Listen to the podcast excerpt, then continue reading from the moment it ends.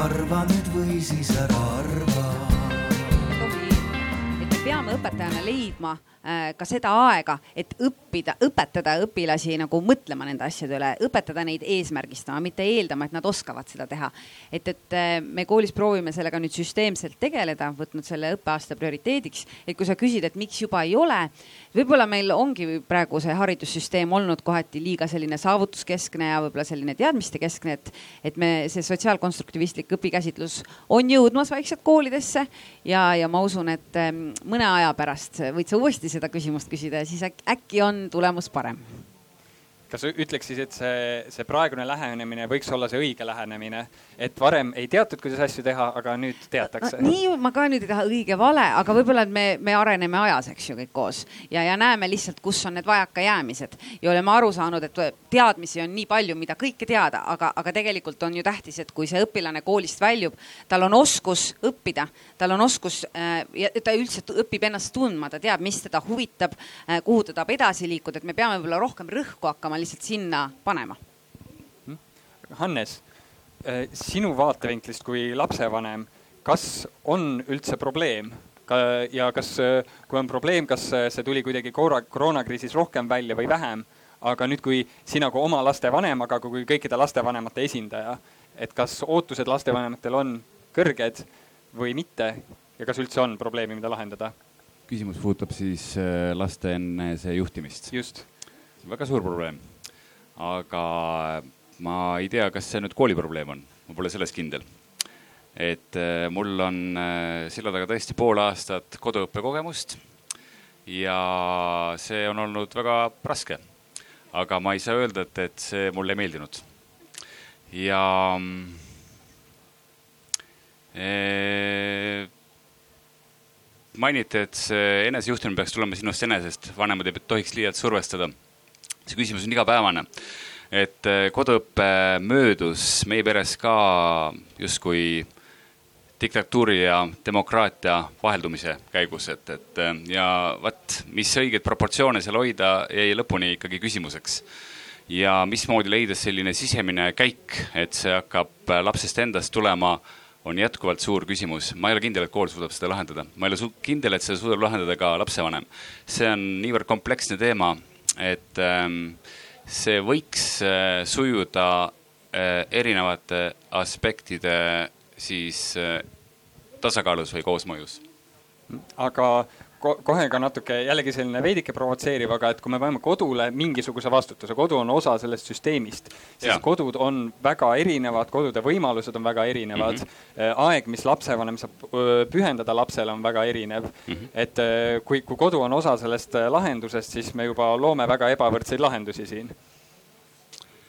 aga kodu on alati osa sellest lahendusest, ükskõik milline see kodu on ja ma ise pool provotseerivalt ütleks ka sellise ettepaneku, et selline hübriidõpe, mida koroona ajastu on justkui nagu tinginud, on suurepärane. et äh, ma tean küll, et kõik vanemad äh, on sellega olnud kimpus, ka meie. aga seal on äh, tekkinud mingisugune kvaliteet, mida muidu ei oleks tekkinud, muidu ma ei oleks võib-olla sellest kvaliteedist isegi mitte teadlik ja see pani vanematele kahtlemata suurema rolli, aga selle käigus oli võimalus näiteks isiklikult mõista õpetajaid, mõista kooli, mõista oma lapsi, mis oli vist võib-olla kõige tähtsamgi.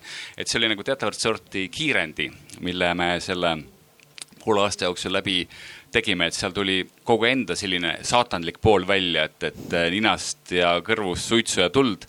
ja sa said aru, kui halb inimene sa oled ja kuidas sa karjud laste peale, et kas see olengi siis tõesti mina. ja, mm, ja siis noh, nähes neid laste reaktsioone et mismoodi siis käituda. aga ma nüüd tunnen sellel suvel, et ma näen, et kui lapsed hakkavad justkui nagu häälest ära minema, et siin on tekkinud nagu interpreedi kõrv, et sa kuuled, kui viiul hakkab häälest ära vajuma, et niiskuse mõjul näiteks. et varasemalt sellist tundlikkust kõrvas ei olnud, et, et oli see seisukoht selline, no mis sa nüüd, mis sul siis jälle nüüd on, et mis, mis sulle jälle ei meeldi. aga nüüd äh, olles interpreet selles sümfoonias, siis, äh, siis on, äh, on tekkinud teatav ilmus, see on ka loomulik, et kui oledki keerulises olukorras, see on loomulik, et sa empiiriliselt omandad mingisuguseid teadmisi muidu, mida muidu vaat ma ei tea isegi, siin on küsimus jah, ka võib-olla teadlastele, et kas seda ongi võimalik nagu teoorias kõike õppida, et, et, et see, ma usun pigem nagu tegelikult teooria ja empiirika siis äh, koos, koos toimesse võib-olla selles aspektis kui see oli küsimus mulle, siis jah, kindlasti praktikas lahendused äh, tuleb ju individuaalselt leida igas kontekstis, need on niivõrd kontekstitundlikud, need lahendused, et seda on nagu raske öelda nagu mingi, et mis see reegel peaks olema. aga kui ma mõtlen näiteks sellele, et äh, ma olen nüüd kaks aastat järjest äh, uurinud seda distantsõpet Eesti Haridusfoorumiga, me tegime kaks uuringut, siis ähm, Äh, mis tuli välja, me oleme nüüd võrrelnud just, et mil, äh, millest seisnesid need erinevused äh, esimesel aastal, kui oli see koroona kevad, kui kõik tuli nii äkki ja ootamatult kõigile peale ja siis nüüd, kus oli justkui aega rohkem valmistuda, siis üks põhilisi erinevusi, mis me võime näha, ongi see, et esimesel aastal Äh, jäeti võib-olla väga palju vastutust äh, kodudele, vanematele ja lastele, et sellist individuaalset äh, õppimist, kus antigi nagu ülesanded ja vaata ise, kuidas saad ja esita ülesanne. Et ühest küljest see oli tohutu koorem ja kõik ei saanud sellega hakkama loomulikult. ja teisest küljest see oli ka võimalus, see oli tõesti võimalus arendada neid neid enesejuhtimisvõimeid ja osadele õpilastele see väga sobis. meie uuringu järgi meil oli üle seitsmesaja õpilase, peaaegu kaheksasada õpilast eh, esimesel aastal, keda me küsitlesime. umbes veerand nendest ütles, et neile tegelikult väga sobis see ja nad saidki arendada oma neid enesejuhtimisvõimeid ja, ja aja planeerimist ja, ja eriti nagu, kui anti ülesandeid näiteks pikemalt ette, näiteks üheks nädalaks korraga, siis, siis see andis nagu võimaluse, sa pididki oma aega planeerima aga mis juhtus nüüd teisel aastal, on see, et äh, nähti, et väga paljud õpilased olid hädas sellega, nad ei saanud sellega hakkama või noh, leiti, et see oli nagu liiga palju anti sellist iseseisvat õppimist. Siis nüüd hakati koolides üle kompenseerima, leiti, et veebitunnid tuleb teha kohustuslikuks ja lapsevanemad tihti väga tahtsid neid veebitunde ja hakati neid veebitunde tegema niimoodi, et äh, noh, nagu peaaegu et tavatunniplaani järgi, et äh, tihedalt iga, iga päev täis veebitundi pluss veel kodutööd. Et see aeg ekraani ees nagu venis väga-väga pikaks ja mis tuli välja just lastevanemate küsitlusest, äh, küsitlesime õpilasi, õpetajaid ja lastevanemaid, oli see, et tegelikult sellise päeva planeerimise juures, kus kõik on tihedalt neid veebitunde täis Äh, me võtame ära justkui selle võimaluse seda enesejuhtivust arendada. ehk seal tuleks nagu mõelda mingisugusele mõistlikule kompromissile siis äh, õpetaja juhitud ja enesejuhitud õppimise vahel mm. -hmm. Võib-olla lisan siia selle, et, et mis meie avastasime, hakkas hästi tööle just vanemates klassides, oli see, et õpetaja oli veebitunnis olemas ja õpilastel oli mingi ülesande antud, nad toimetasid sellega ja neil oli võimalik siis minna sinna ja küsida vajadusel õppe, õpetajalt juhiseid. et see oli selline hübriidvariant, mis äh, päris kenasti hakkas tööle, toetas seda, et, et õpilased said tõesti ise planeerida, kuidas ma teen ülesannet, ise vaikselt pusida, aga nad ei olnud nagu üksi jäetud.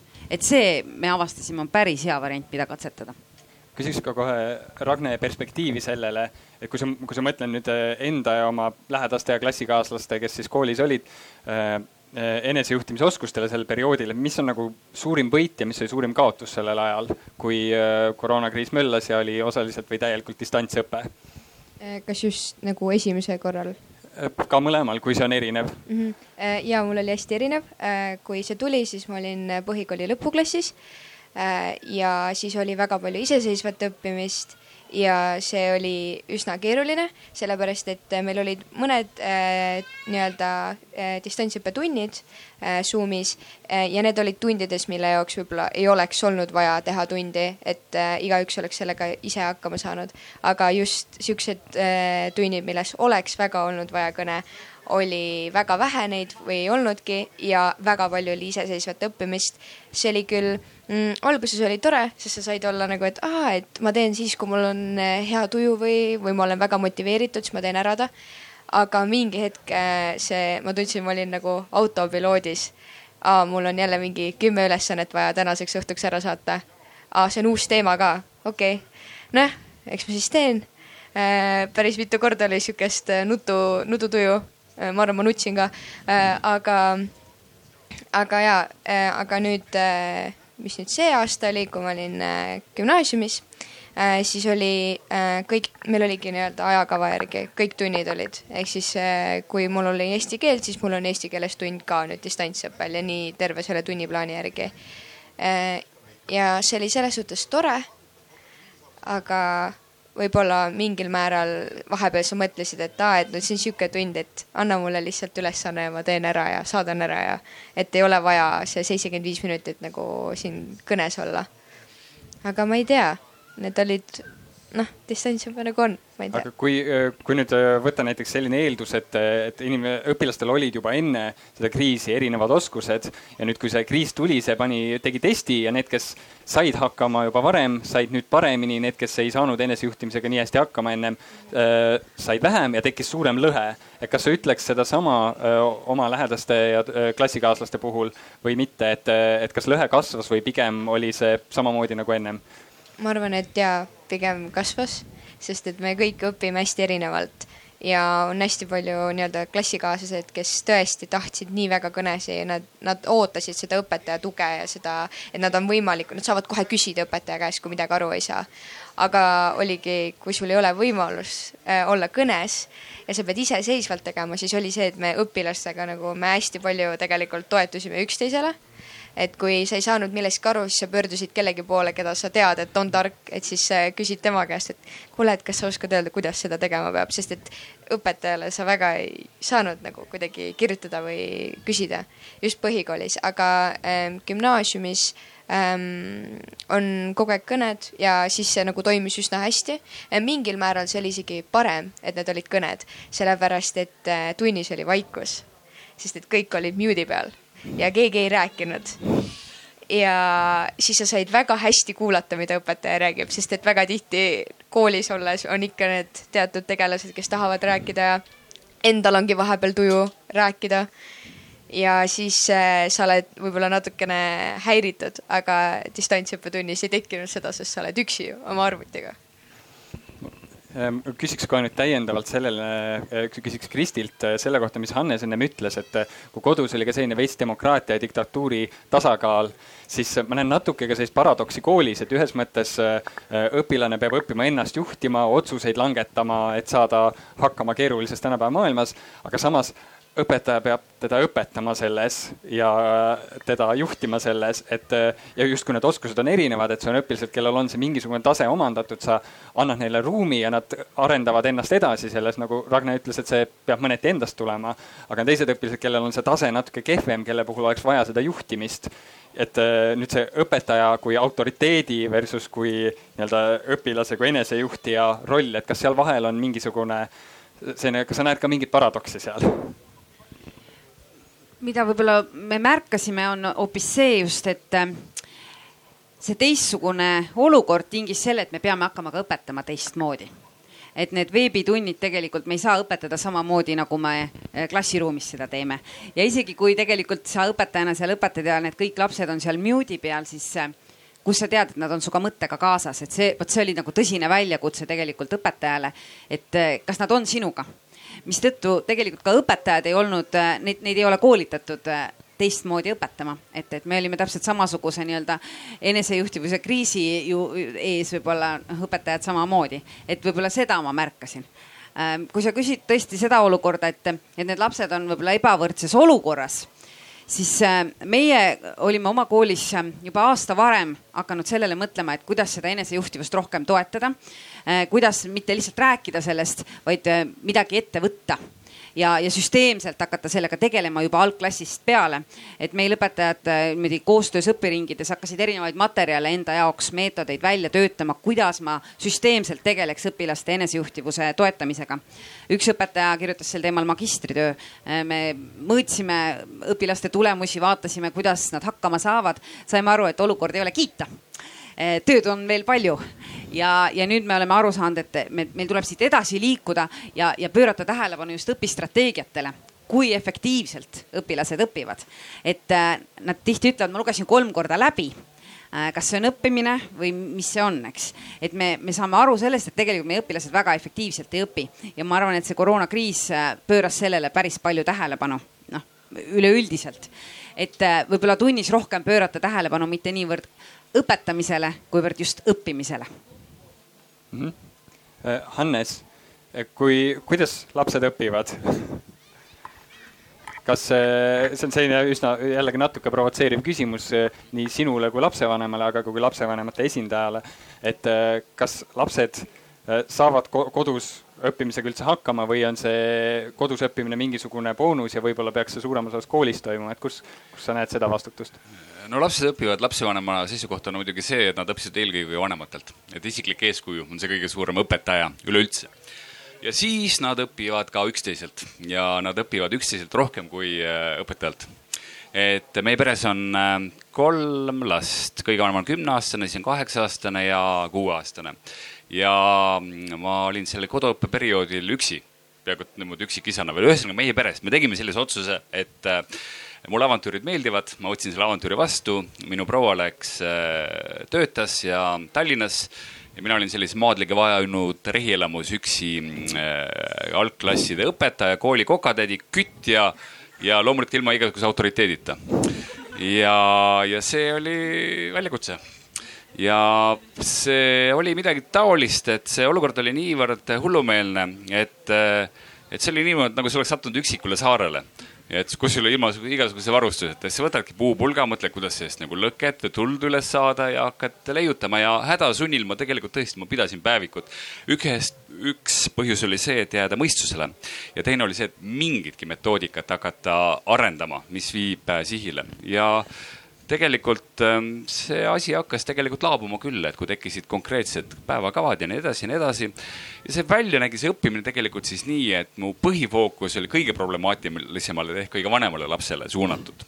natuke vähem oli suunatud siis keskmisele lapsele ja kõige noorem laps ei saanud üldse mingisugust õpetajat, tema õppis kõike üle õla, aga tema tulemused olid võib-olla isegi kõige paremad tegelikult õppimise osas et, et äh, seepärast vanemad tegelesid nagu vastuhakuga, mõtlesid, kuidas äh, moodustada koalitsioone. Ja siis oli noh, oluline ka see nii-öelda see ülestõusu ninamees nii-öelda kinni nabida, et saada siis, äh, saada jälle kontroll enda kätte, et aga, aga nooremaga jah, et nooremaga laabus kõige paremini, et, et ta õppis õppis teistelt.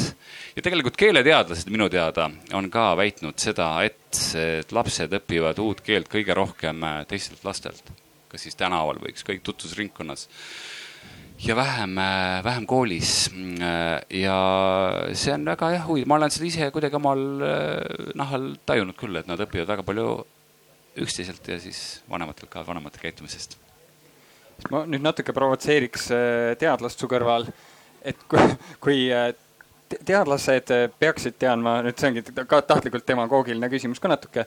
teadlased peaksid teadma, kuidas asjad õigesti on ja kus on valupunktid, kuidas sekkuda, siis äh, miks on äh, endiselt alles probleem? no see on nagu üks põhilisi teaduskommunikatsiooni probleeme, et see, mida teadlased avastavad ja kirjutavad, et see tihti ei jõua nagu sihtrühmani. Et seal on nagu tohutu lahe, lõhe, esiteks juba keelekasutuses, eks ju, kui me mõtleme teaduslikele artiklitele, et kuidas neid teha mõistetavaks nagu sellele sihtpublikule, kes tegelikult vajab neid uusi teadmisi. et see on äh, asi, millele muidugi mõeldakse tänapäeval rohkem isegi äh, need teadusprojektide rahastamine tänapäeval juba toimub teistsugustel alustel ja tihti nagu nüüd eeldatakse, et oleks ka äh, juba kaasatud nii-öelda need inimesed, kelle jaoks me tegelikult teeme seda teadust. et äh, tihti see tundub nagu selline elitaarne tegevus, et see on kuidagi eraldatud sellest päriselust või äh,. et noh, ühesõnaga samme astutakse selles suunas, et olukord paraneks, aga, aga ei ole kerge seda olukorda parandada kelle poole te peamiselt üritate, kuhu te tahate kõige rohkem kohale jõuda, mis on see väljakutse? kes teid kõige rohkem kuulata võiks ja võib-olla seda piisavalt ei tee? No eelkõige alguses võiksid kuulata kõigepealt õpetajad, aga õpetajad kipuvad olema ka sellised hästi praktilised inimesed, et äh, nad ütlevad, andke meile mingeid praktilisi nippe, mis praktikas töötavad ja neid, kes nagu äh,, nagu tahaksid või viitsiksid süveneda nagu sellesse laiemasse teooriasse seal taga, et miks mingid asjad on nii või et noh, neid ei ole võib-olla nii palju. ja noh, sama muidugi käib ka tegelikult lastevanemate kohta. Kristi kui õppejuhina, kas, kas sul on vastuargument sellele, et äh, teadlased ütlevad, et neil, neil on olemas infot, loomulikult mitte kõige kohta, mitte täielikult, aga õpetajateni on raske kohale jõuda. kuidas sina õppejuhina seda näed? ja tõesti on nii, et õpetajad tahavad praktilisi nippe ja seetõttu me pidimegi oma koolis neid ise hakkama looma. aga, aga tähtis ikkagi selleks, et need nipid tööle hakkavad, peab toimuma mõtteviisis muutus ja selleks on vaja seda teooriat tegelikult ja seda tuleb ka õpetajatele tutvustada ja rääkida, miks teisiti ei saa. ehk siis tuleb selle olukorra ette panna, et aga, aga teisiti ju ei saa ja kui see link on ära käinud, siis, siis tulevad äh, õpetajad nii-öelda rohkem kaasa ka tegelikult. aga selle enesejuhtivuse teema osas mulle tundub, et sellest aina rohkem tegelikult räägitakse ja näiteks ka seesama ETV-s, mis oli ju see sari Maailma kõige targem rahvas oli, eks, kus tegelikult äh, efektiivsetest õpistrateegiatest ju palju räägiti, mis toet-, mis töötab, mis ei tööta. et seda on rohkem rahvani toodud, seda teemat ja, ja täitsa minu arust õigeid kanaleid pidi juba et, et mulle tundub, praegu on, oleme, oleme õigel teel täitsa selle teemaga küll ja see on väga oluline teema. Ragne, kas äh, sina tunned, et, äh, et viimastel aastatel on selline paradigma muutus äh, toimunud ja kui, siis milline? ehk siis kui Kristi just ütles, et koolidesse hakkab järjest rohkem ka jõudma seda mõtlemist, et õpistrateegiad on tähtsad ja neid tuleb rakendada, siis kas sinule õpetatakse õpistrateegiaid? ja meil on isegi gümnaasiumis tund nimega õppimine ja areng ja selle tunni eesmärk, seal on erinevad nii-öelda aspektid, aga peamine on erinevad õpistrateegiad ja meile tutvustatakse neid ja meile räägitakse neid ja me teeme mingi erinevaid teste, et äh, missugune õppija sina oled või missugune mälu sul on või kuidas sa kõige paremini informatsiooni vastu võtad. et äh, gümnaasiumis kindlasti on päris suur rõhk tegelikult sellele, et, et kas me saame hakkama õppimisega ja et tuleb õppida, noh, kuidas siis õppida ja sellised asjad aga jaa mul tuleb meelde, et Eve Kikase eestvedamisel viidi läbi ju see suur uuring õpistrateegiate kohta, kuidas õpetajad tajuvad, eks ju, kuidas õpilaste olukord on. ja seal tuli välja, et, et õpetajatel on üsna head teadmised efektiivsetest õpistrateegiatest, aga huvitav, et need ei ole nagu õpilasteni jõudnud. et siin ongi nagu see koht, et kui me õpetame, me peame rohkem rääkima, miks ma praegu seda meetodit kasutasin, kuidas see sind aitab, miks see töötab, miks see ei tööta, et me ei ole nagu tunnis harjunud võib-olla nii palju tähelepanu sellele pöörama. me rohkem räägime teemast, et kui ma õpetan Jaan Krossi, ma räägin Jaan Krossist, aga, aga mingid meetodid, mida ma läbi viisin, viin, võib-olla ma ei räägi, et miks ma täna niimoodi õpetasin teile seda. Aga sellele tuleks rohkem tähelepanu pöörata, et see jõuaks rohkem õpilasteni ja neil hakkaks ka see metakognitsioon nii tööle, et ta noh, muutub automaatseks, et ahaa, mul juba tuleb iseenesest see efektiivne õpistrateegia siis. Aga me ei saa eeldada, et mulle tundub, et me hästi palju tegeleme koolis ka eeldamisega minul endal on nii, et äh, ma olen ka väga palju inspireeritud olnud teadusartiklitest ja olen proovinud lugeda ka mm, äh, kodumaise didaktika klassikat Johannes Käisi ja alla kriipsutan kohti, vot nii ma täpselt tahan oma lapsi õpetada. aga see on umbes välja kukkunud nii, et sa treenid ennast justkui reisilennuki piloodiks, aga siis saadetakse sind lahesõtta, kus sind pommitatakse kogu alt. ja nii, et, et kogu see oskus on nagu täiesti mitte päris kasutatud, okei okay,, lennukil on tiivad ja mingi õhupadi, aga olukord on hoopis teistsugune see võib-olla tuleneb ka sellest, et lihtsalt, et ähm, ma olen lugenud võib-olla, mul on mõnes mõttes nagu valet teooriat. et, äh, et see väikelastega on lihtsalt asi kindlasti ka teistmoodi kui gümnasistidega. või kes on juba nagu kuskil seal viisteist ja kuusteist ja, ja nii edasi, et seal on olukord siis ka teistsugune see teebki tegelikult õpetamise nii keeruliseks, et see iga olukord äh, on teatud mõttes unikaalne ja neid faktoreid, mis mingit olukorda mõjutavad, on nii palju, et seda nagu kiiresti üldse analüüsida ja tegutseda. me tihti ikkagi käitume noh, õpetajatena ja ka lastevanematena kuidagi intuitiivselt, sest meil ei ole lihtsalt aega analüüsida nii põhjalikult olukorda. aga, aga jah, et need, et need intuitiivsed reaktsioonid, neid saaks ka tegelikult treenida kuidagi noh, mõistlikumaks ja, ja haridus on väga kompleksne, et tegelikult teooriasse süveneda ja seda praktikas rakendada tahab ikkagi erihuvi. et, et on ka täiesti mõistetav, et ülekurnatud vanemad, nad ei suuda artikli abstrakti loevad läbi, aga nad ei suuda lõpuni lugeda, lihtsalt aega lihtsalt ei jagu.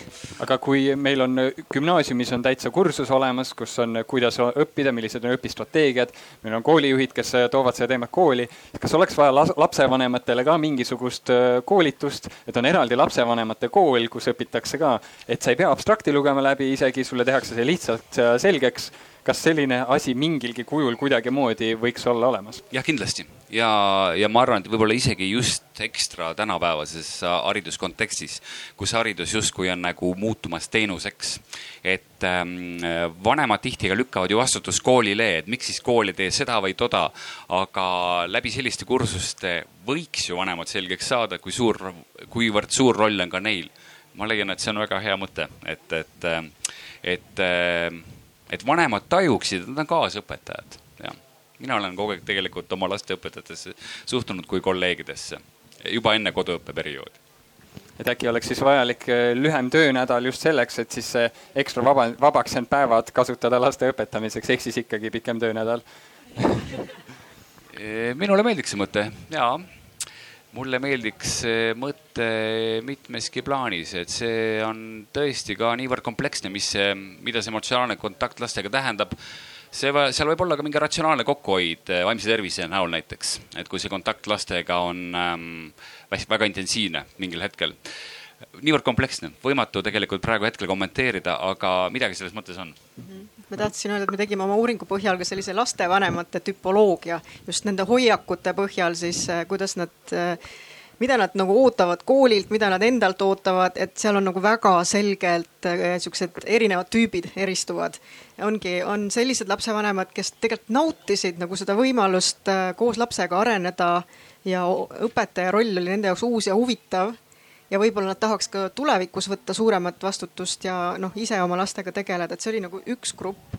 siis olid sellised, kes äh, Äh, noh, olid nagu siuksed nõudlikud kontrollijad, kes, äh, kelle tugi lastel seisnes põhiliselt selles, et nad küsivad, noh, kas on õpitud, on ju, ja no mine nüüd õppima ja mis kell on ja noh, nagu selline utsitamise ja kontrolli funktsioon. Äh, ja siis oli väga selgelt muidugi eristus ka grupp, kes oli väga kriitiline õpetajate ja kooli suhtes, kes ootab lahendusi eelkõige õpetajatelt ja koolilt ja noh, võib-olla ka noh, elu ja olu, olukorrad on erinevad, kes käis täiskohaga tööl, kes, kelle töö ei võimaldanud näiteks kodus töötamist, et need ongi väga erinevad olukorrad. ma nüüd vaatan siin publiku poole ja vaikselt äh, võtaksin mõned küsimused ka, ma näen, siin on väga palju äh, praeguseid ja tulevasi lapsevanemaid, te kindlasti saite praegu mõelda, millises tüpoloogias teie olete kas, äh, kui väga te kaasa töötate tulevikus või praegu oma lapse hariduses, kindlasti põnev mõelda. aga kas, kas on tekkinud kommentaare või küsimusi praeguse teemaarenduse kohta?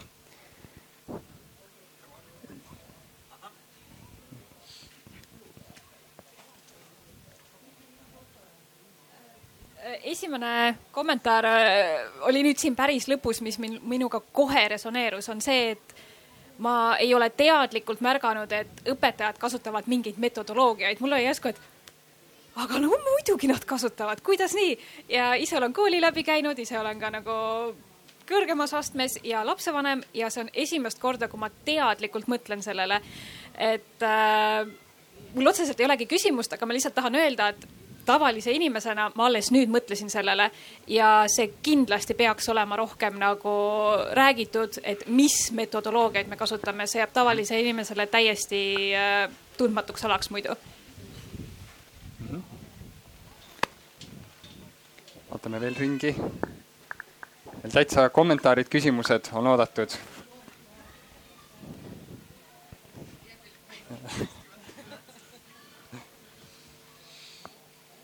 no nii, ma ütlen võib-olla lapsevanemana, et kuna minu laps käib ähm, nii-öelda selles koolis, kus Kristi on õppejuht ja võib-olla kui me lapsevanematena omavahel sellel distantsõppe perioodil suhtlesime, siis mida meie tundsime, oli see, et hästi oluline on see kodu ja kooli kommunikatsioon, et sa olid hästi informeeritud, sa teadsid, mis toimub, sind hoiti nagu kaasas selle protsessiga. Äh, alates kooli juhtkonnast kuni äh, lõpetades tõesti klassijuhatajani. et minu laps käis ka tol hetkel teises-kolmandas klassis, kui see distants, distantsõpe oli.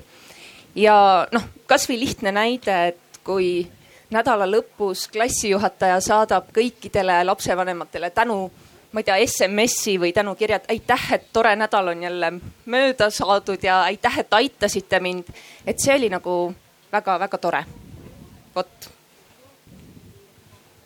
ja samal ajal, kui panelistidel on vastukommentaare või vastuküsimusi, siis on, on täitsa teretulnud ka need. vaatame ka veel, kas tõuseb mõni käsi väga põnevad kommentaarid on siiamaani olnud just, just hoopis teistsugusest vaatevinklist, kui me siin näeme. see on väga huvitav, et te seda mainisite, mul tuleb lihtsalt meelde üks kommentaar vabadest vastustest meie uuringust, kus ka üks õpetaja tõi nagu välja enda jaoks õppetunnina, kui oluline on ka lastevanemaid toetada ja kiita mm. -hmm. Seal on ka küsimus mina küsiks seda poolt, et mis saab sellest uuringust edasi, mis nende tulemustega tehakse ja kuhu need äh, nii-öelda välja jõuavad? Äh, no esialgu me koostame raporti ja see läheb otse ministeeriumile ja, ja eks nemad vaatavad siis, mis nad sellega edasi peale hakkavad ja kuivõrd nad seda arvesse võtavad.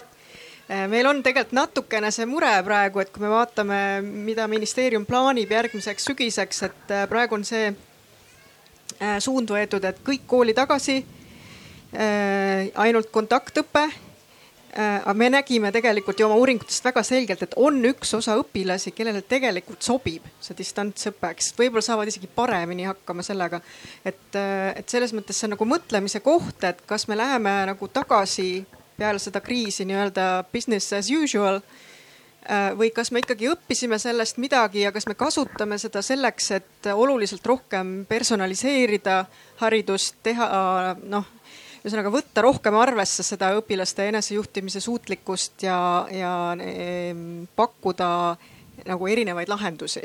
aga see on muidugi keeruline, see mõtlemise koht, kuidas seda korraldada ja me, meie tegime ka seda, et me küsitlesime õpilasi, vanemaid niimoodi mingi regulaarsuse tagant, et kuidas distantsõpe sobib või ei sobi.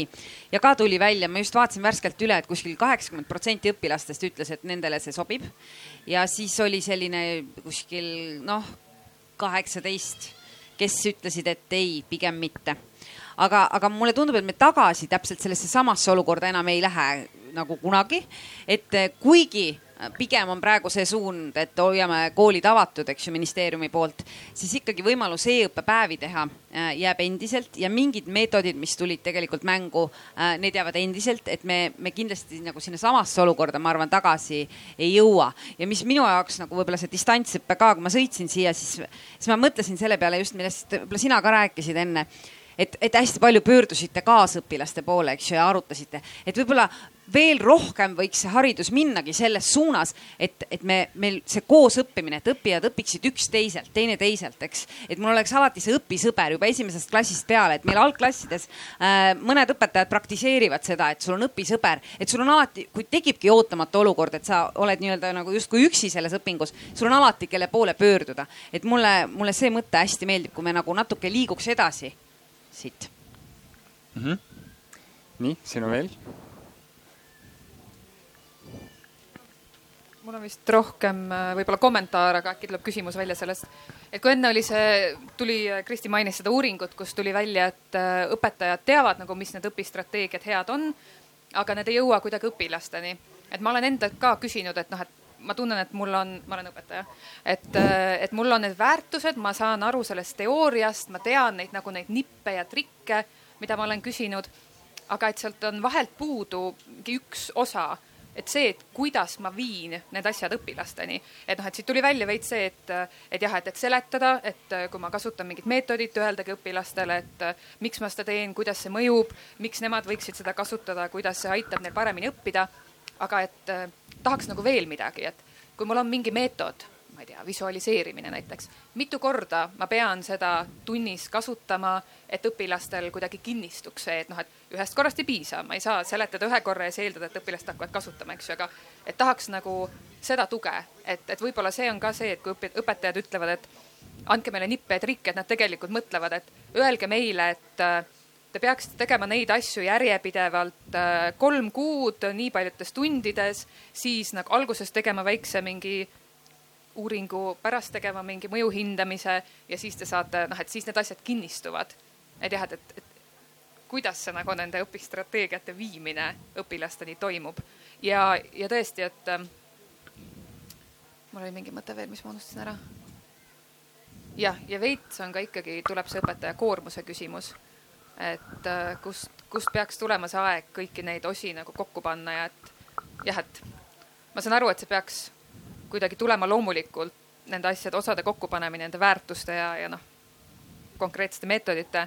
aga hästi palju tundub, et et küsitakse õpetajatelt hästi palju äh, just seda nagu mõttetööd ja et selleks ei, ei ole lihtsalt äh, ruumi ja aega. tegelikult on ka õpetajahariduses toimunud on juba toimunud nagu selline paradigma muutus, et äh, me tahamegi nagu kultiveerida sellist kuvandit õpetajast kui omaenda töö uurijast ja paljudes äh, riikides ju ka on see osa õpetajaharidusest, näiteks magistritööna tihti tegevõpetajad juba uurivadki mingisugust noh, näiteks oma õpilastega oma klassis mingit nüanssi oma tööst, mida nad siis selle kaudu nagu parandavad, püüavad et ma arvan, et siin on tegelikult raske anda selliseid äh, retsepte, et kui kaua midagi, sest see sõltub jälle nendest individuaalsetest äh, lastest ja konkreetsest äh, olukorrast, aga just seda võikski nagu võib-olla julgustada, et õpetajaid katsetama ja uurima omaenda tööd ja, ja muidugi jagama kogemusi kolleegidega, mis on hästi oluline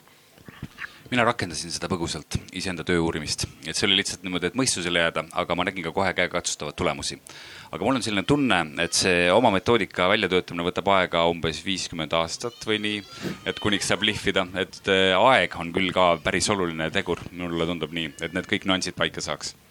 aga, aga võib-olla siinkohal on oluline noh, sinule jätkuks öelda, et me ei tohi nagu õpetajaid üksi jätta, et, et, et see on võib-olla see, kus otsa vaadata kooli juhtkondadele, et, et meil tuleb oma õpetajaid hoida, meil tuleb neid toetada, koolitada, mitte lihtsalt teooria tasandil, vaid just need noh, õpetajad paratamatult vajavad praktilisi koolitusi, kogemusi, jagamisi.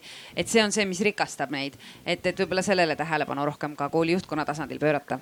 No ja siin on ka koht muidugi, kus saavad tegelikult ülikoolid pakkuda ka tuge just sellisteks kooli arendusprojektideks ja, ja nagu toetava nagu mentoritena võib-olla toetada kõrvalt seda.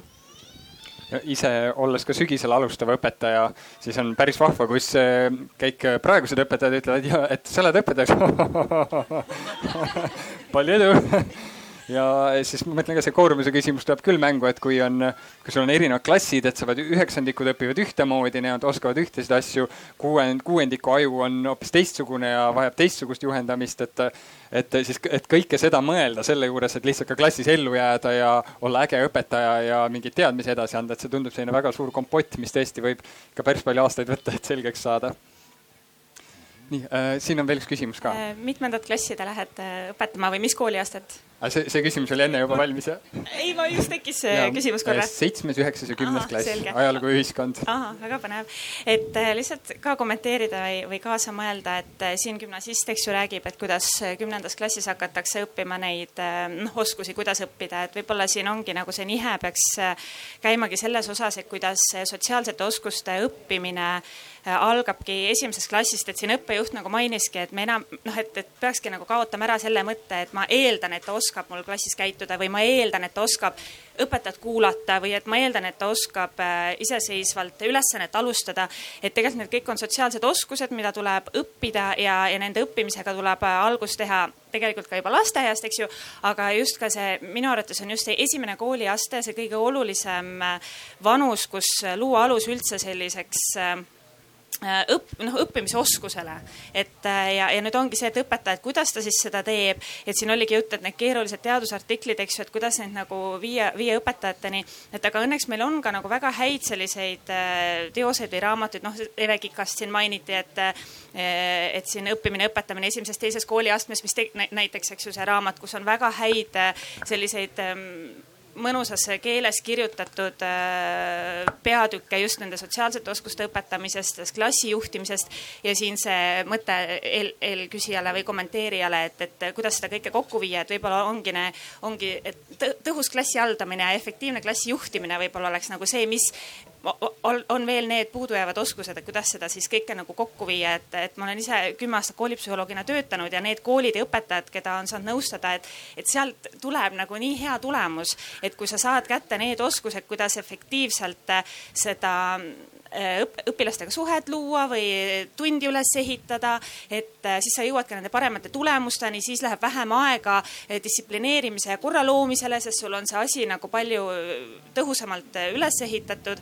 et, et meil on, kui otsida või, või võtame Bill Rogers näiteks, eks ju, kes väga hästi tõhusast klassi haldamisest kirjutab, et, et meil on neid materjale päris häid, et aga vot ongi jah, et kuidas need siis õpetajateni jõuavad, eks ju, et kas nad peavad neid ise otsima ja küsima või, või me saame need head, head nõuanded ja vaatame koos need materjalid üle, et et aga jah, just see alguses kohe minna, lennata nende sotsiaalsete oskuste õpetamisega tõhusamalt peale ja siis hiljem on see pinnas nagu parem et vot, et sellised mm, -hmm. sellised mõtted jah, aga nii tore on siin olla ja kuulata. aitäh nende mõtete eest. nüüd ma arvan, et on õige aeg kolmeks heaks uudiseks, et mul on hea uudis, hea uudis, hea uudis. hea uudis on see, et me teeme kohe sellise interaktiivse rühmatöö. aga hea uudis on see, et ei pea isegi paigalt liikuma, rühmad moodustame täpselt sinna, kus te olete ja hea uudis on see, et teie juurde tulevad panelistid, kes igalühel on oma rühm ja teie saate nüüd nendele, kes nemad on kõik tähtsad osad selles süsteemis, anda võimalikult palju ideid. ja raamistus on selline, et mida teha, et, et parandada seda süsteemi, et me näeme, et on mingid lüngad on siin, me näeme, et mingid osapooled peaks rohkem tegema, me näeme, et, et sekkumispunkte on siin ja seal. ja nüüd meie panelistid saavad koguda teilt infot, teil iga rühma juurde tuleb selline väike plakat ja paber ka ja vaatame, mis teha saab ja pärast arutame natuke veel edasi nende päris lahenduste üle, et kui siiamaani me natuke nüüd kurtsime probleemide üle, siis nüüd just ongi see lahenduste koht. ja teeme niimoodi, et eh, teie seal taga, ma näen, eh, Uku Valner on seal, eh, kuulus õpetaja. Hannes, sina lähed sinna rühma juurde, moodustate ühe rühma sinna. Maria, sina lähed siia ette, kus ma näen Margotit, siin tuleb Maria rühm. Ragne, sina lähed siia ette rühma, siin Kärdi lähedale ja Kristi, sina lähed sinna tagapoole, kus on helipult ja püstiseisvaid inimesi ja moodustate oma grupi.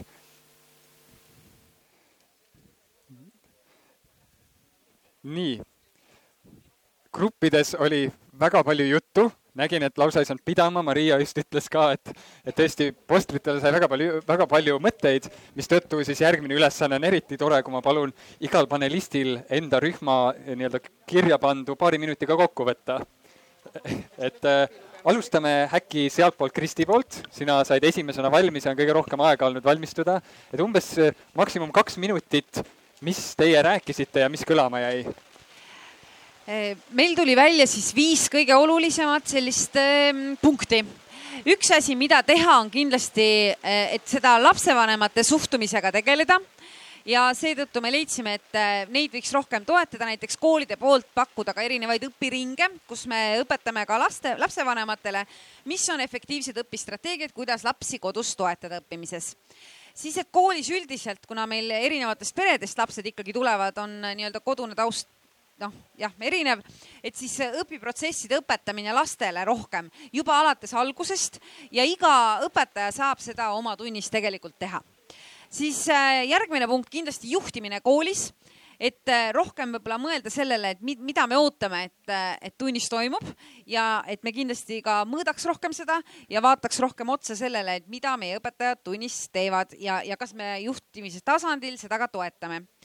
siis puutusime, puudutasime ka meediateemat, et tegelikult äh, peaks mõtlema ka, mida meedia ja mida me üldiselt hariduses väärtustame, millest räägitakse, kirjutatakse. kui palju me räägime seda, et, et meil on vaja kõrgeid tulemusi, kui palju me räägime sellest, et tegeleme koolis rohkem õppimisega ja õppeprotsessiga, sotsiaalsete oskustega, enesejuhtimisega.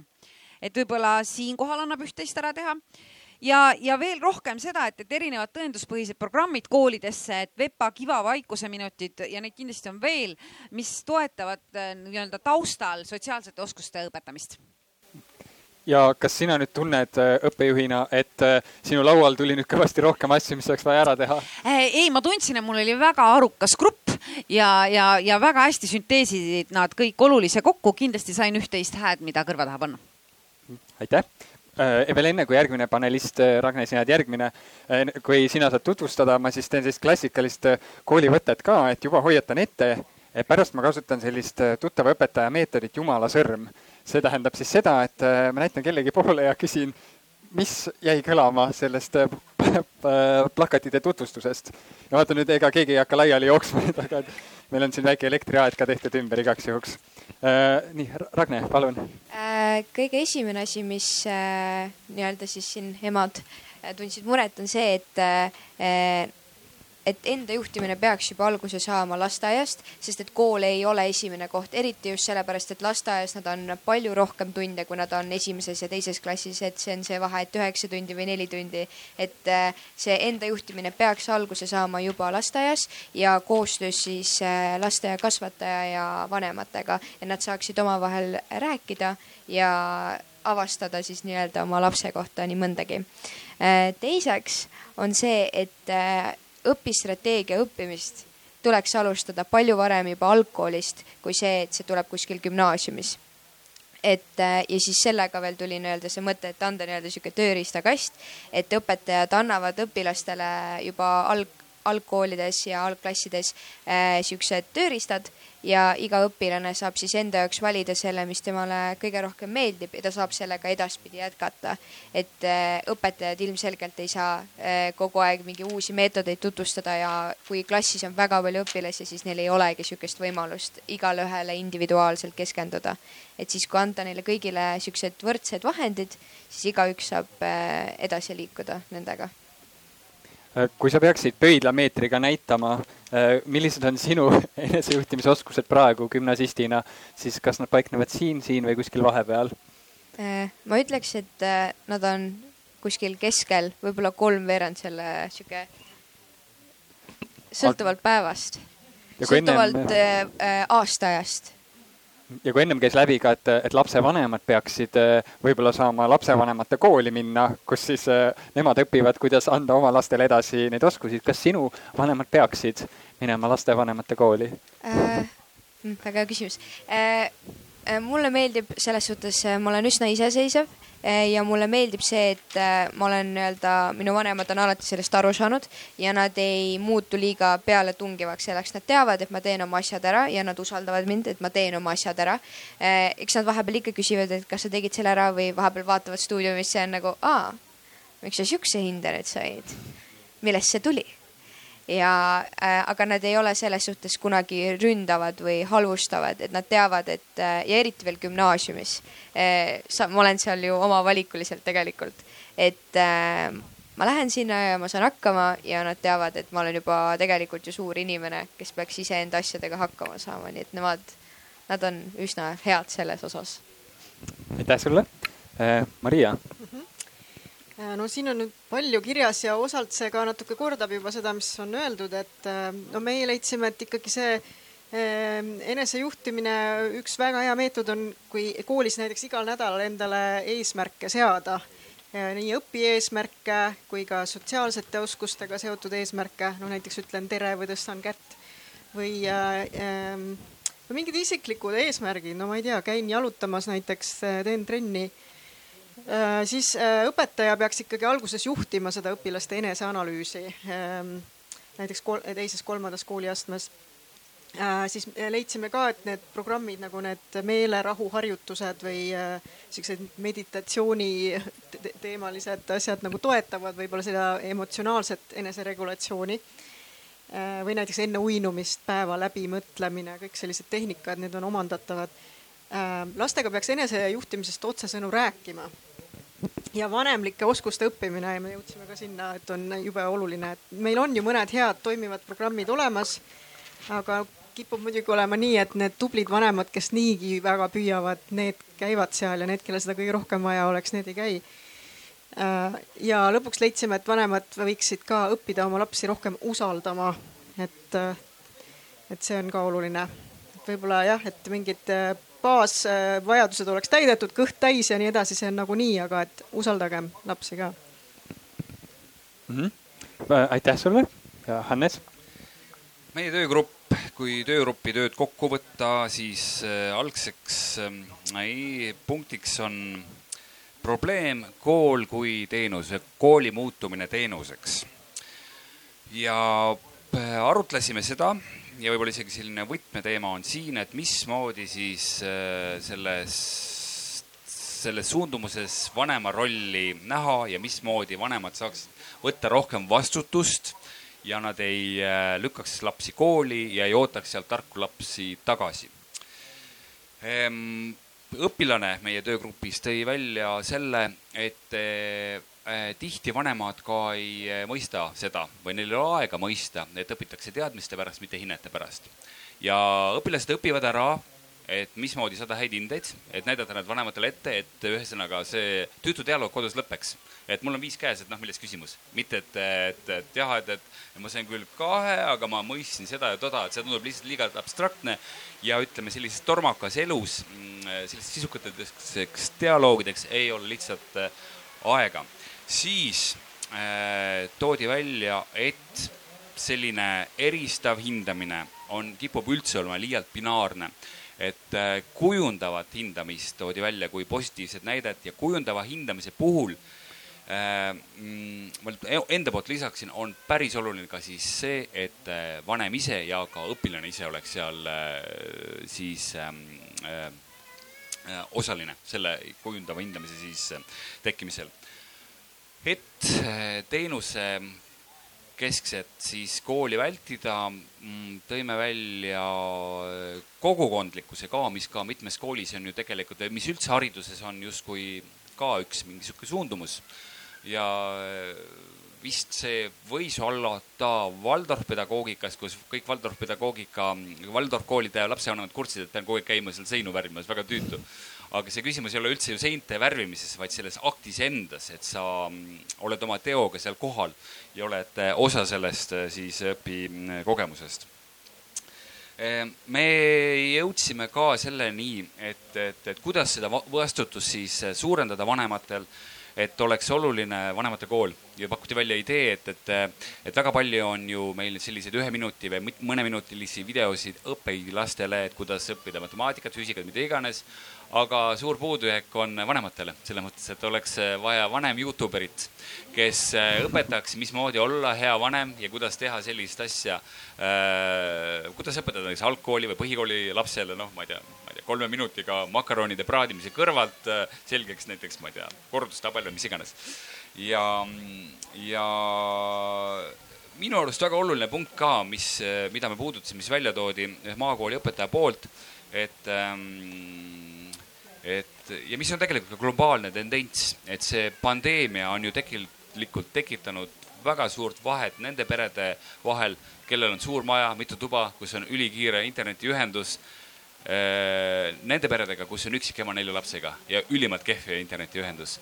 ja vot minu arust ongi selles kriisis oleks oluline suunata fookus just nendele vanematele, problemaatilistele peredele ja äh, võib-olla no see on suurem küsimus, mis meetode kasutada, aga ka seal oleks noh, seal on vaja tegelikult võib-olla vaimset tuge eelkõige, aga ka sellise, sellise, see võib ka tulla tõesti ka Youtube'i näol või mis iganes nagu meetodiga, aga mulle tundub niimoodi, et eh, need edukad pered suudavad ise õppida, ise selle info kokku haarata, aga kui sa oled sundolukorras, siis sul on väga limiteeritud võimalus õppida heaks vanemaks ja võib-olla see on see, mida, mida võiks põhimõtteliselt riiklikul tasandil organiseerida, et kuidas õpetada peresid, kus õppimine, lapsevanemaks õppimine on väga problemaatiline.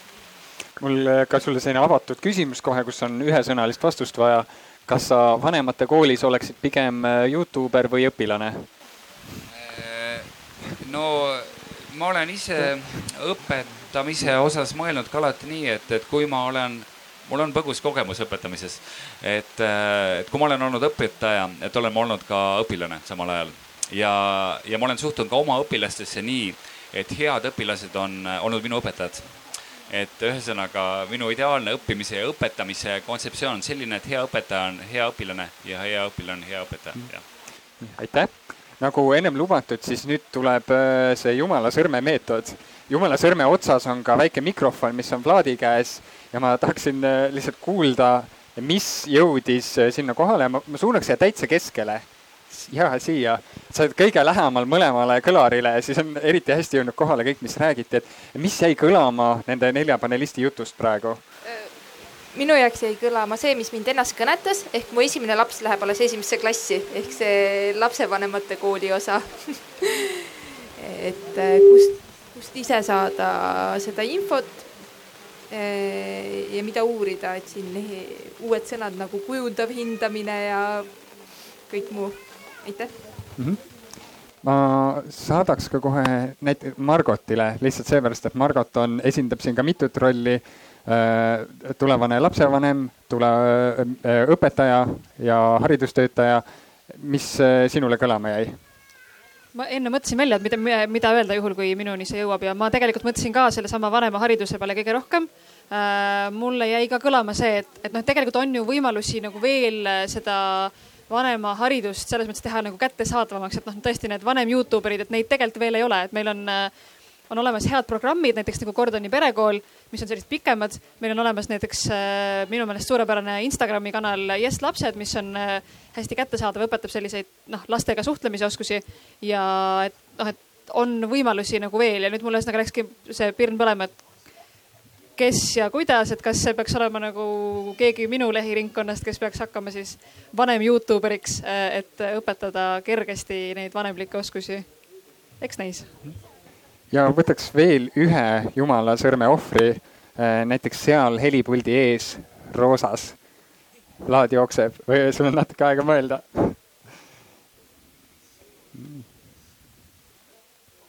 aitäh. no mina olen selline inimene, kellele väga ei meeldi sellised äh, pikad jutud ja, ja suured probleemid, et kohe katsuks midagi kohe ära teha. ja selles mõttes mulle väga meeldivad need äh, tõenduspõhised programmid et äh, üks väike, väike asi iga päev, kasvõi koolis või kodus teha ja need programmid annavad nii häid äh, noh, nagu äh, mõtteid selleks, et tõesti selline pirnike läheks, läheks lapsel põlema igapäevaselt. oh, ma märkasin enda juures, ma märkasin teise juures, et läbi selliste väikeste sammude saab iga päevaga paremaks minna ja lõpuks, lõpuks hakkab suur asi liikuma. aitäh nüüd jõuame paneeli kõige viimase osani, kus ma natuke kavatsen ka tüli tekitada panelistide vahel. Eh, ma tahaks teada, teie, kes te esindate kõigepealt iseennast, aga esindate ka kõiki neid kaaslasi. Ragne, sina esindad kõiki, kes on õpilased siin. Eh, Kristi, sina esindad kõiki, kes töötavad haridusasutustes ja samas mõned esindavad veel mitut rolli. ma tahaksin teada, mida teie ise, aga ka kõik selle rolli esindajad saaksid päriselt ära teha nüüd. aga ma teeks seda niimoodi, et Hannes, sina ütle teadlasele Mariale, mis nemad peaksid ära tegema ja siis Marial on minut aega vastata sulle, kas see on nii ja, ja kuidas see läheb, ehk siis minut aega sul maksimaalselt öelda, mis ta peaks tegema ja siis tema saab kommenteerida seda. Ja siis Maria ütleb minut aega, mida õpilased peaksid tegema ja siis saab minut aega kommenteerima, proovime niimoodi. Ja ma täitsa hoian sellest ajast kinni. Nii, teaduse puhul on ju küsimus see, et, et kes formuleerib uurimisküsimuse et, et kas see on siis tulnud õppeasutuse poolt või kes on see huvigrupp? Ja äh, kuidas teha siis nii, et see äh, lapsevanematel on rohkem seda äh, sõna häält uurimusküsimusi uurimiseks formuleerida kas, kas siin on ka äh, selline küsimus, aga ka konkreetne ettepanek, mida sa ütled, et teadlased võiksid teha? ja, et äh, ma, okei okay,, ettepanek siis konkreetne on see, et teadlased võiksid võib-olla siis, no ma ütlen, provokatiivne seisukoht on see ka, et uurimusküsimused on ka tihti orkestreeritud ühes või teises, teises vallas, et selline rohujuure hääl võiks uurimusküsimustesse jõuda enam. kuigi ma samas ei väida, et see ei ole seal, aga ütleme, et see oleks nagu isiklik huvi mm. -hmm. sa olid sekundi pealt minutis. nii, jah, see on äh, huvitav mõte äh,. tavaliselt uurimisküsimus äh, formuleeritakse uurimislünkade põhjal ehk mida veel ei ole uuritud või mida, kus on nagu vaja uusi teadmisi et muidugi seal on see oht, et kui lapsevanem formuleerib uurimisküsimuse, siis ta võib enese teadmata küsida mingit küsimust, millele tegelikult vastused on juba olemas. Eh, aga ma saan aru, et see tekitas, tekitaks temas endas hea tunde, et teda on kaasatud, et selles mõttes võib neid muidugi kaasata ma ei tea, kas ma vastasin sellele küsimusele päris, mitte päris. meil nüüd päris sellist edasi-tagasi dialoogi aega nüüd ei ole, aga, aga sa siis aga, tunned aga üldiselt, et oli õigustatud äh, ettepanekuid ja, ja kriitika? No, kui on just, ei, no selles mõttes küll jah, et kui on just mingi näiteks mingit väga kohalikku konteksti puudutav küsimus, tõesti, siis on nagu õigustatud see, et küsidagi nendelt äh, nii-öelda huvigruppidelt ja lapsevanemad sealhulgas et mida, mida peaks uurima ja mis on need põletavad probleemid või küsimused. aitäh ja üks äh, minut, et äh, röstida lapsi mida nemad peaksid tegema? ja see on hea mõte, mida peaksid gümnasistid tegema, ma arvan, et ähm, või, või kas see käib nagu kõigi õpilaste kohta või gümnasistide kohta praegu see? ütleme õpilasi üldiselt äh, või äh, fookus võib olla siis gümnasistidel, aga kui sul on ka kommentaare, mida peaksid õpilased tervikuna teisiti tegema ja mis on need konkreetsed ettepanekud, siis lase aga tulla ähm,. no jah, meie küsitlusest selgus sellel aastal, et õpilaste kõige suurem probleem selle distantsõppe ajal oli ikkagi see motivatsiooni langus. ehk siis tohutu probleem on ikka see, kuidas ennast motiveerida ja nagu me rääkisime siin sellest, et siin ei piisa ainult sellest välisest motivatsioonist, et õpetajad või keegi, et noh, iseennast peab ka motiveerima. Äh, et mis, mis teid siis motiveeriks, mõel-, mõelge selle peale. Ähm, kuidas oma motivatsiooni hoida. Ähm, aga kas on ka ettepanek kohe juurde? jah ähm, no motiveerivad meid tavaliselt positiivsed elamused, eks ju, et äh, võib-olla siis mõelda, mis tekitab teis positiivseid elamusi ja, ja korrata nagu seda. nii, Ragnar, sul on äh, vastu, vastata nüüd aeg. Äh, esindad õpilasi, peamiselt siis gümnasiste, aga ka kõiki teisi õpilasi. kuidas kommenteerid? ma arvan, et ükski õpilane ei saa olla kogu aeg motiveeritud sellepärast et see motivatsiooni langus on, võib tekkida kõige väiksematest asjadest, kasvõi see, et talvel on pime. ja sellest automaatselt sul tekib sihuke, nagu sa olekski mingi karu, kes läheb, tahaks minna lihtsalt oma urgu magama ja ei ärka mingi paar kuud ja siis ma võin jälle midagi teha, et see talvine periood on hästi masendav, sa lähed kooli, on pime, sa tuled koolist, on pime ja siis on pime.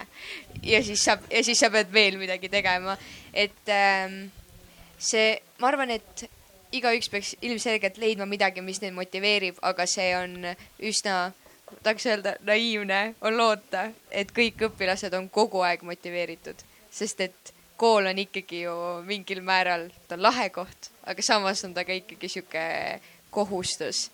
et sa ei hinda seda nii kaua, kuni see ei ole läbitud, mul on sihuke tunne aitäh ja nüüd sinu võimalus pöörduda õppejuhi, aga ka kaudselt kõikide koolis töötavate inimeste poole, mida nad peaksid tegema teisiti ja mis on need konkreetsed ettepanekud? siis proovin viisakaks jääda. ei, nali, see on nali. õpetajad on väga toredad. Äh, ma arvan, et õpetajad mingil määral võiksid vahepeal olla vastutulelikumad ja võib-olla mõista äh, eriti gümnasiste, kes on juba vanad ja väsinud ja ei jaksa enam ja tahaksid nutta. et ähm, et, et võib-olla võiks mingil määral teha midagi uut, äh, ma ei tea, teha üks tund, äh, mis on natukene rahulikum või kui sa näed, et äh, nad tulevad tundi ja nad on kõik siuksed mm, tahaks koju ära minna juba, et siis võib-olla, ma ei tea, võtta kasvõi mingi viis-kümme minutit lihtsalt, ma ei tea, jutustada nendesse jälle energiat süstida ja siis teha oma tund, et meie koolis on paar sihukest õpetajat ja kui nad alustavad oma tundi sellega, et nad lihtsalt tegelikult kuulavad meid, et ma ei tea, tulid kuskilt kontrolltöölt ja sa tead, et vot see läks väga halvasti. siis nad lihtsalt kuulavad sind ja, ja, ja siis sul tekib see motivatsioon. näe, motiveerimine e et siis sul tekib jälle motivatsioon õppida, et võib-olla õpetajad võiksid jah, vahepeal äh, mõelda, et me oleme ka inimesed. Kristi, sinu minut olgu. Mis mul talle ikka vastu öelda, olgu, me püüame. Te, tegelikult me püüame seda, et, et see lihtsalt vaata iga õpetaja, kui sa lähed oma tundi, sa oled nii oodanud neid lapsi sa nii tahad neid õpetada, et sa oled neid nii oodanud ja siis, siis sa lihtsalt nagu hakkad neid selle infoga niimoodi noh, üle valama. see võib vahel juhtuda, aga me püüame rohkem äh, liikuda selles suunas, et, äh, et see aine ei ole tähtis, vaid see laps on tähtis. ja ma, ma tõesti loodan, et me koolides jõuame sinna, et, et, et see suund on küll, aga tööd on veel vaja teha, sest aine on nii kallis. aga kui me neid särasilmseid näeme, siis, siis, siis me püüame jõuda sinna ütlen nii vastuseks sulle, sobib? aga. ja siin saan... nüüd need äh, vanad äh, head sõbrad, koolid ja lapsevanemad, et Mm -hmm. mida on öelda lapsevanematele? mulle meeldib see sissejuhatus, mis sa tegid, vanad head sõbrad, et, et vot seda ma tahakski soovitada võib-olla rohkem tegelikult. ma olen mõelnud sellele, et meil on ühine eesmärk, meil on see laps, see, see, see laps on meie ühine eesmärk, me mõlemad tahame head, et kuidas nii vahel juhtub, et tekib mingi konflikt et võib-olla mõlemalt poolt tegelikult siin ka koolile soovituseks, et me läheksime rohkem ja suhtuksime üksteisesse nagu partneritesse ja me, ja me proovime koos leida lahendusi, mitte et me süüdistame, vaid pigem kes, keskendume lahendustele. selline soovitus. sinul minut aega vastata sellele ühine, jah, ma olen tegelikult mainisin ka siin päris alguses, et, et just nimelt ühine eesmärk. Ja ma rõhutasin seda, kuidas mina olen näinud kogu aeg oma laste õpetajates partnereid, kolleege. et seda saab viljeleda koolis, kus kogukondlikkus on soositud aga päris palju muidugi saavad ka vanemad ise ära teha õpetajaga kont kontakteerumises või noh, kontaktis olemises, et sa saad olla ju erinev vanem, võid olla eemalseisev, aga võid olla ka pidevalt kontaktis. see võib olla muidugi väga tüütu õpetajale, kui noh, lõputud vanemate need emailid ja telefonikõned tulevad, et kui seal klassis on palju lapsi. aga äh, mina kriipsutan selle ühise eesmärgi täielikult alla, kahe käega olen poolt sellel ja, ja mm -hmm. vanemad peavadki võtma nii nagu ka meie selle nurga siis eh, seisukoht oli, et vastutus, vanema vastutus. et ei vastuta ainult õpetajad, vastutab ka vanem ja see vastutus peab olema jagatud. ma olen kindel, et meil kõigil on nüüd väga huvitavaid tundeid siin paneeli lõpu ajal sees. mõneti on kom äh, väga kompleksne probleem. kas on väga tähtis küsimus lõppu? jah? ma kardan vanemaid. ma olen alustanud klassijuhataja ja ma kardan oma vanemaid. mida teha? nii, aga me, meil tegelikult praegu ei ole aega äh, nende küsimustega tegeleda, sest meil, on tõesti viimane minut siin, aga. kõige olulisem küsimus. aga su, siis sul on äh, aega hästi lühidalt vastata sellele. teeme nii, et alla minuti.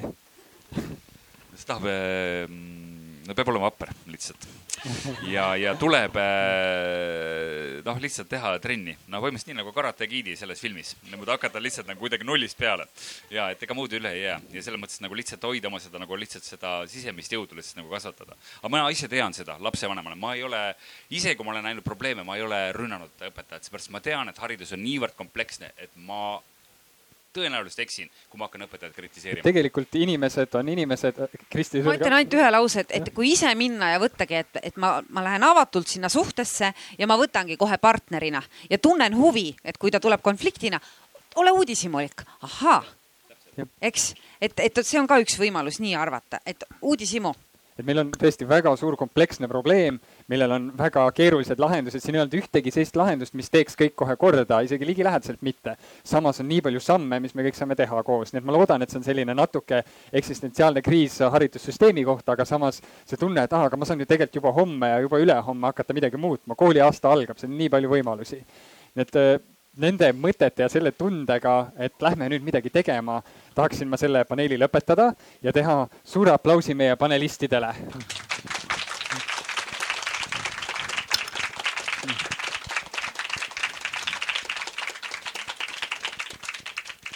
Ja tegelikult ka suur aplaus meie publikule, te olete nii kaasatöötavad ja kogu aeg olemas